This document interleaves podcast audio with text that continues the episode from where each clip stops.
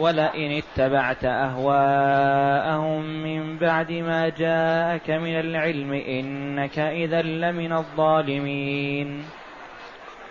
هذه الآية الكريمة من سورة البقرة جاءت بعد قوله جل وعلا في الآية التي فيها تحويل القبلة قد نرى تقلب وجهك في السماء فلنولينك قبلة ترضاها فول وجهك شطر المسجد الحرام.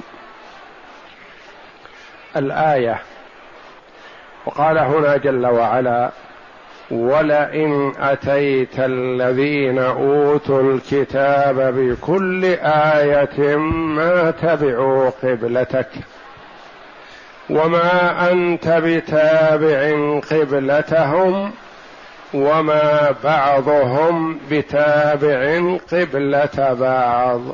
الآية.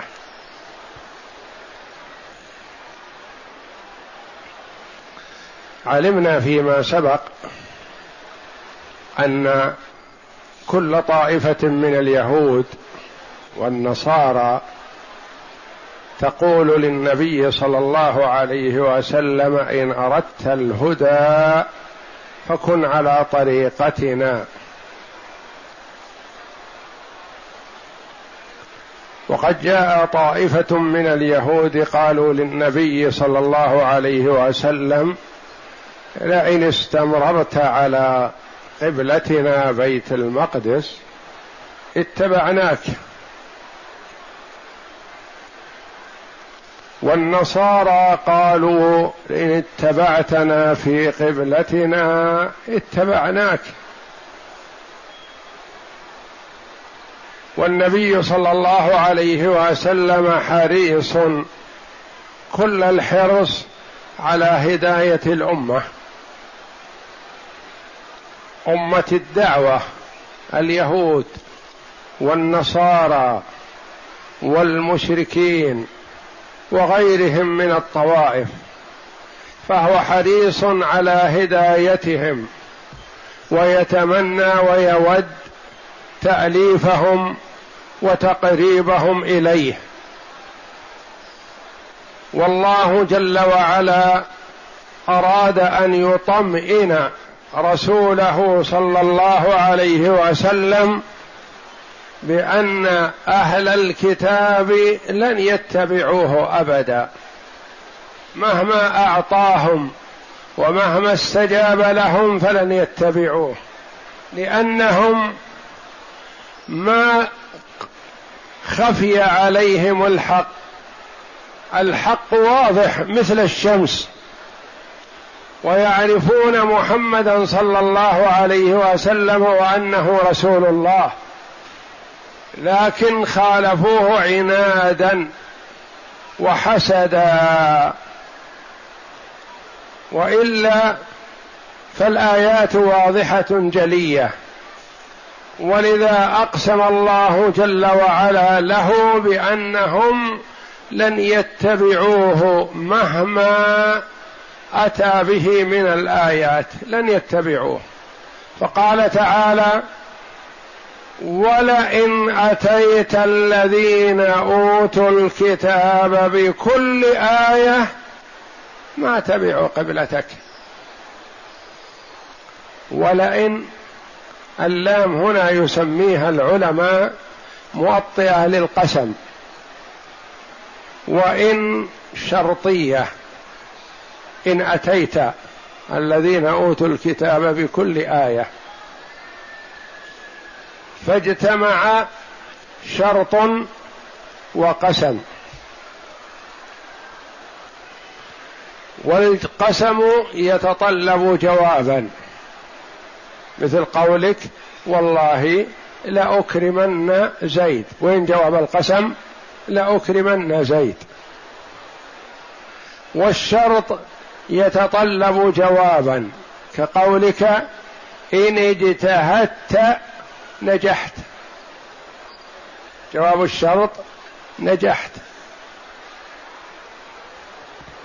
واجتمع شرط وقسم. وكل واحد يتطلب جواب. وقد جاء جواب أحدهما في قوله تعالى ما تبعوا قبلتك. ولئن أتيت الذين أوتوا الكتاب بكل آية ما تبعوا قبلتك. فيا ترى لمن الجواب؟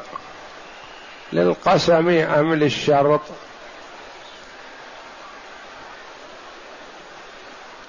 يقول ابن مالك رحمه الله تعالى في النونية في الألفية واحذف لدى اجتماع شرط وقسم جواب ما أخرت فهو ملتزم. من يقول لي إذن ما الذي حذف من الجوابين هنا؟ حذف جواب الشرط لأن المتقدم هو القسم. ولئن اللام موطئة للقسم ثم جاء الشرط بعد هذا ولئن أتيت. وابن مالك رحمه الله يقول واحذف لدى اجتماع شرط وقسم جواب ما أخرت يعني جواب المتأخر منهما. فهو ملتزم. ويقول بعد هذا وإن تواليا وقبل ذو خبر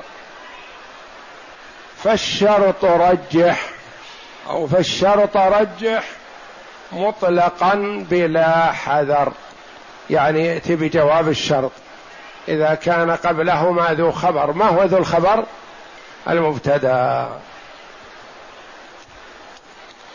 ولئن أتيت الذين أوتوا الكتاب بكل آية. بعضهم قال للنبي صلى الله عليه وسلم ما أتيتنا بعلامة واضحة لنبوتك حتى نتبعك. ما أتيتنا مثل ما أتى به الأنبياء قبلك. موسى أتى بكذا وعيسى بكذا وصالح بكذا وإلى آخره. ما أتيتنا بآية. وقد أتاهم عليه الصلاة والسلام بأعظم آية. ما أتى بها نبي قبله وهو القرآن العظيم. أمي لا يقرأ ولا يكتب حتى اسمه ما يعرف كتابته عليه الصلاة والسلام ولا يعرف أن يقرأه. مكتوب في اللوح ما يعرف أن هذا محمد أو علي. ما يعرف يقرأ ولا يكتب عليه الصلاة والسلام. وأتى بهذا القرآن العظيم الذي تحدى الله جل وعلا به الجن والإنس. قل لئن اجتمعت الإنس والجن على أن يأتوا بمثل هذا القرآن لا يأتون بمثله. فأتوا بعشر سور من مثله ما استطاعوا. فأتوا بسورة من مثله ما استطاعوا. هذا أعظم آية. بهذه البلاغة والفصاحة والبيان والحكمة وعدم التناقض وعدم الاختلاف فيه قل لو كان من عند غير الله لوجدوا فيه اختلافا كثيرا. وهم يقولون ما أتيتنا بآية مقنعة. قال الله جل وعلا ولئن أتيت الذين أوتوا الكتاب بكل آية ما تبعوا قبلتك. وما أنت بتابع قبلتهم وما بعضهم بتابع قبلة بعض. ثلاث جمل كل جملة لها حكم ومعنى مستقل. ما تبعوا قبلتك وما أنت بتابع قبلتهم وما بعضهم بتابع قبلة بعض. فهذا فيه تيئيس للنبي صلى الله عليه وسلم من أن أهل الكتاب لن يتبعوه وخاصة اليهود الذين هو بين أظهرهم فما اتبعه منهم إلا قلة مع ظهور الآيات ووضوحها وكونه صلى الله عليه وسلم بين أظهرهم ويرونه صباح ومساء. ويوجد ما يصدقه عليه الصلاة والسلام ويخبر عن أمور ما يعلمونها هم من شأنهم وأمورهم ومع ذلك ما آمن وما أسلم من اليهود إلا أفراد يعدون على الأصابع. كعبد الله بن سلام رضي الله عنه وعدد معه قليل جدا. وما أنت بتابع قبلتهم. يصح أن يكون هذا خبر لهم بالمستقبل وتيئيس لهم بأن محمد لن يتبع قبلتكم مهما أعطيتموه من الوعود والمواثيق فلن يتبع قبلتكم لأنه يتبع شرع الله. والله جل وعلا شرع له استقبال القبلة الكعبة. وأنتم تعلمون في كتبكم وبما أخبركم به أنبياؤكم بأن محمدا يستقبل بيت المقدس اولا ثم يستقبل الكعبة. وإذا استقبل الكعبة لن يرجع عنها ابدا لأن بعض جهالهم يتوقع يقول استقبل بيت المقدس ثم تركه ثم استقبل الكعبة لعله يتركها ويرجع إلى غيرها. فأيسهم الله جل وعلا من أن محمدا صلى الله عليه وسلم لن يستقبل قبلتهم. وما أنت بتابع قبلتهم ويحتمل النهي بأنه لن تستقبل ينهاك ربك أن تستقبل قبلتهم. وما بعضهم بتابع قبلة بعض هم وإن اتفقوا على عداوتك فهم متخالفون. أعداء فيما بينهم. لن يتبع اليهود قبلة النصارى ولن يتبع النصارى قبلة اليهود. قبلة اليهود بيت المقدس. وقبلة النصارى مطلع الشمس. المشرق. وكانوا في الأول يستقبلون بيت المقدس. وكان استقبالهم لبيت المقدس. مع الأنبياء السابقين قبلهم من بني إسرائيل. إلا أن قساوستهم يتلاعبون بهم ويصرفونهم يمينا وشمالا.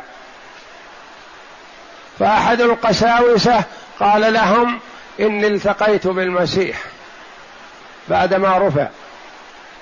وأمرني أن آمركم أن أخبركم بقوله إنه يقول إن الشمس كوكب أحبه. وهو رسولي بالسلام يطلع عليكم كل يوم. فاستقبلوه في عبادتكم وصلاتكم. فتركوا بيت المقدس الذي كانوا يستقبلونه وبدأوا يستقبلون مطلع الشمس. فالنصارى هي قبلتهم. وهم ملتزمون بهذا. فأخبر جل وعلا أن اليهود لن يتبعوا النصارى في قبلتهم وأن النصارى لن يتبعوا اليهود في قبلتهم. وما بعضهم بتابع قبلة بعض. ولئن اتبعت أهواءهم من بعد ما جاءك من العلم إنك إذا لمن الظالمين. الله جل وعلا يعلم ازلا أن محمدا صلى الله عليه وسلم لن يتبع أهواءهم وأن الله جل وعلا قد عصمه من ذلك. ولكن هذا فيه تعليم للأمة أن محمد صلى الله عليه وسلم لو اتبع أهواءهم لكان من الضالين. ففيه تحذير للأمة عامة وخاصة عن أن يركنوا إليهم أو يميلوا إليهم. تحذير للأمة قاطبة من أن يميلوا إلى أهل الكتاب. ولئن اتبعت يا محمد أهواءهم أهواء اليهود والنصارى من بعد ما جاءك من العلم جاءك العلم من الله جل وعلا بالقرآن العظيم. إن فعلت ذلك إنك إذا لمن الظالمين. وكما قال الله جل وعلا ولقد أوحي إليك وإلى الذين من قبلك لئن أشركت ليحبطن عملك. والله جل وعلا يعلم ازلا أن محمدا صلى الله عليه وسلم لا يشرك. وهو الذي جل وعلا عصمه من الشرك. ومع ذلك قال له ولئن لئن أشركت ليحبطن عملك. هذا تعليم للأمة. إذا كان الرسول وهو أفضل الخلق لو أشرك حبط عمله فما بالك بغيره؟ غيره يكون حينئذ من باب أولى. ولئن اتبعت أهواءهم من بعد ما جاءك من العلم إنك اذا لمن الظالمين. يكون الظلم يظلم المرء نفسه ويظلم غيره والظلم درجات منه ما يصل إلى الكفر ومنه ما لا يصل إلى الكفر.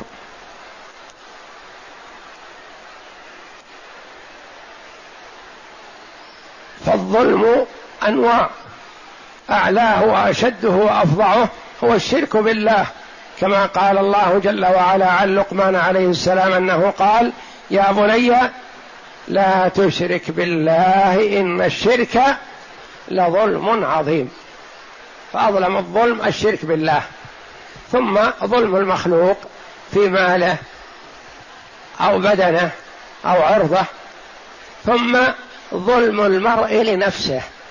قد يظلم المرء نفسه كما علم النبي صلى الله عليه وسلم أبا بكر الصديق رضي الله عنه الدعاء الذي يدعو به. لما سأله قال علمني دعاء أدعو به.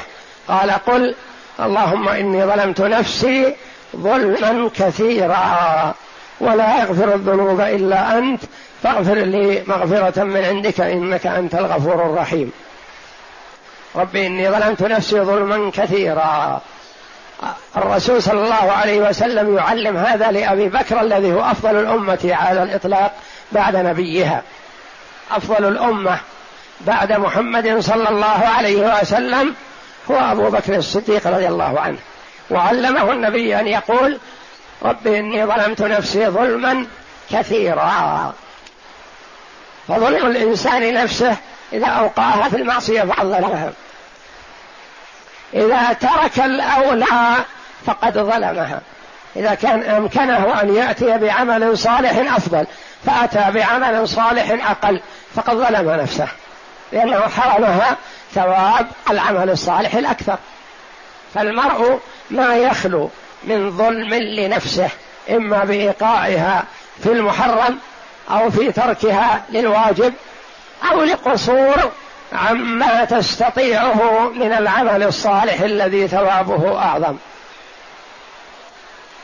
ولئن اتبعت أهواءهم من بعد ما جاءك من العلم إنك اذا لمن الظالمين. تحذير للأمة من اتباع اليهود أو النصارى في آرائهم أو أقوالهم أو أفكارهم.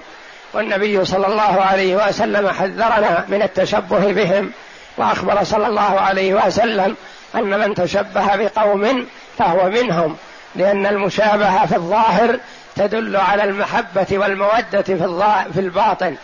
فحذر صلى الله عليه وسلم من الركون إليهم والميل إليهم والتشبه بهم. والله جل وعلا يقول ولا تحنوا إلى الذين ظلموا فمسكم النار.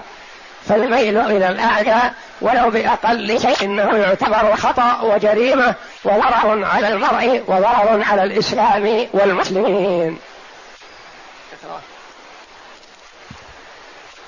يخبر الله تعالى عن كفر اليهود وعنادهم ومخالفتهم ما يعرفون من شائر الله صلى الله وأنه لو أقام عليهم كل دليل على صحة ما جاء به لما اتبعوه وتركوه واتبعوا أهواءهم كما قال تعالى إن الذين حقت عليهم كلمة ربك لا يؤمنون ولو جاءتهم كل آية حتى ولو جاءتهم كل آية حتى يروا العذاب الأليم. ولهذا يعني ما يؤمنوا حتى يروا العذاب وحينئذ لا ينفعهم إيمانهم.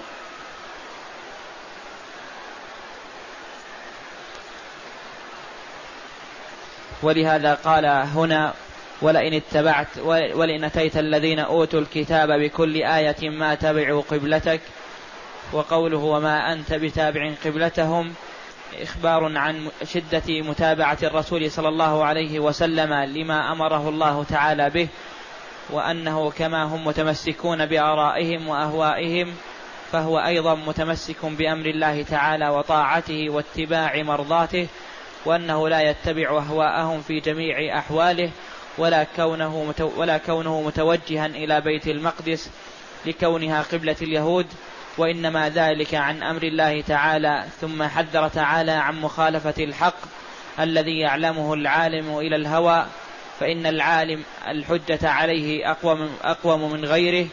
ولهذا قال تعالى مخاطبا للرسول صلى الله عليه وسلم والمراد به الأمة ولئن, اتبعت أهواءهم من بعد ما جاءك من العلم إنك إذا لمن الظالمين.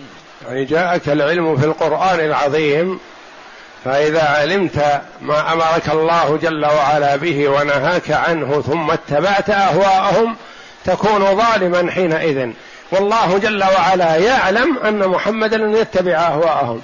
لكن في هذا تحذير للأمة أنه لو اتبع محمد أهواءهم لكان من الظالمين فغيره من باب أولى إذا اتبع أهواء الذين كفروا يكون ظالما. والله أعلم. وصلى الله وسلم وبارك على عبده ورسول نبينا محمد وعلى آله وصحبه أجمعين.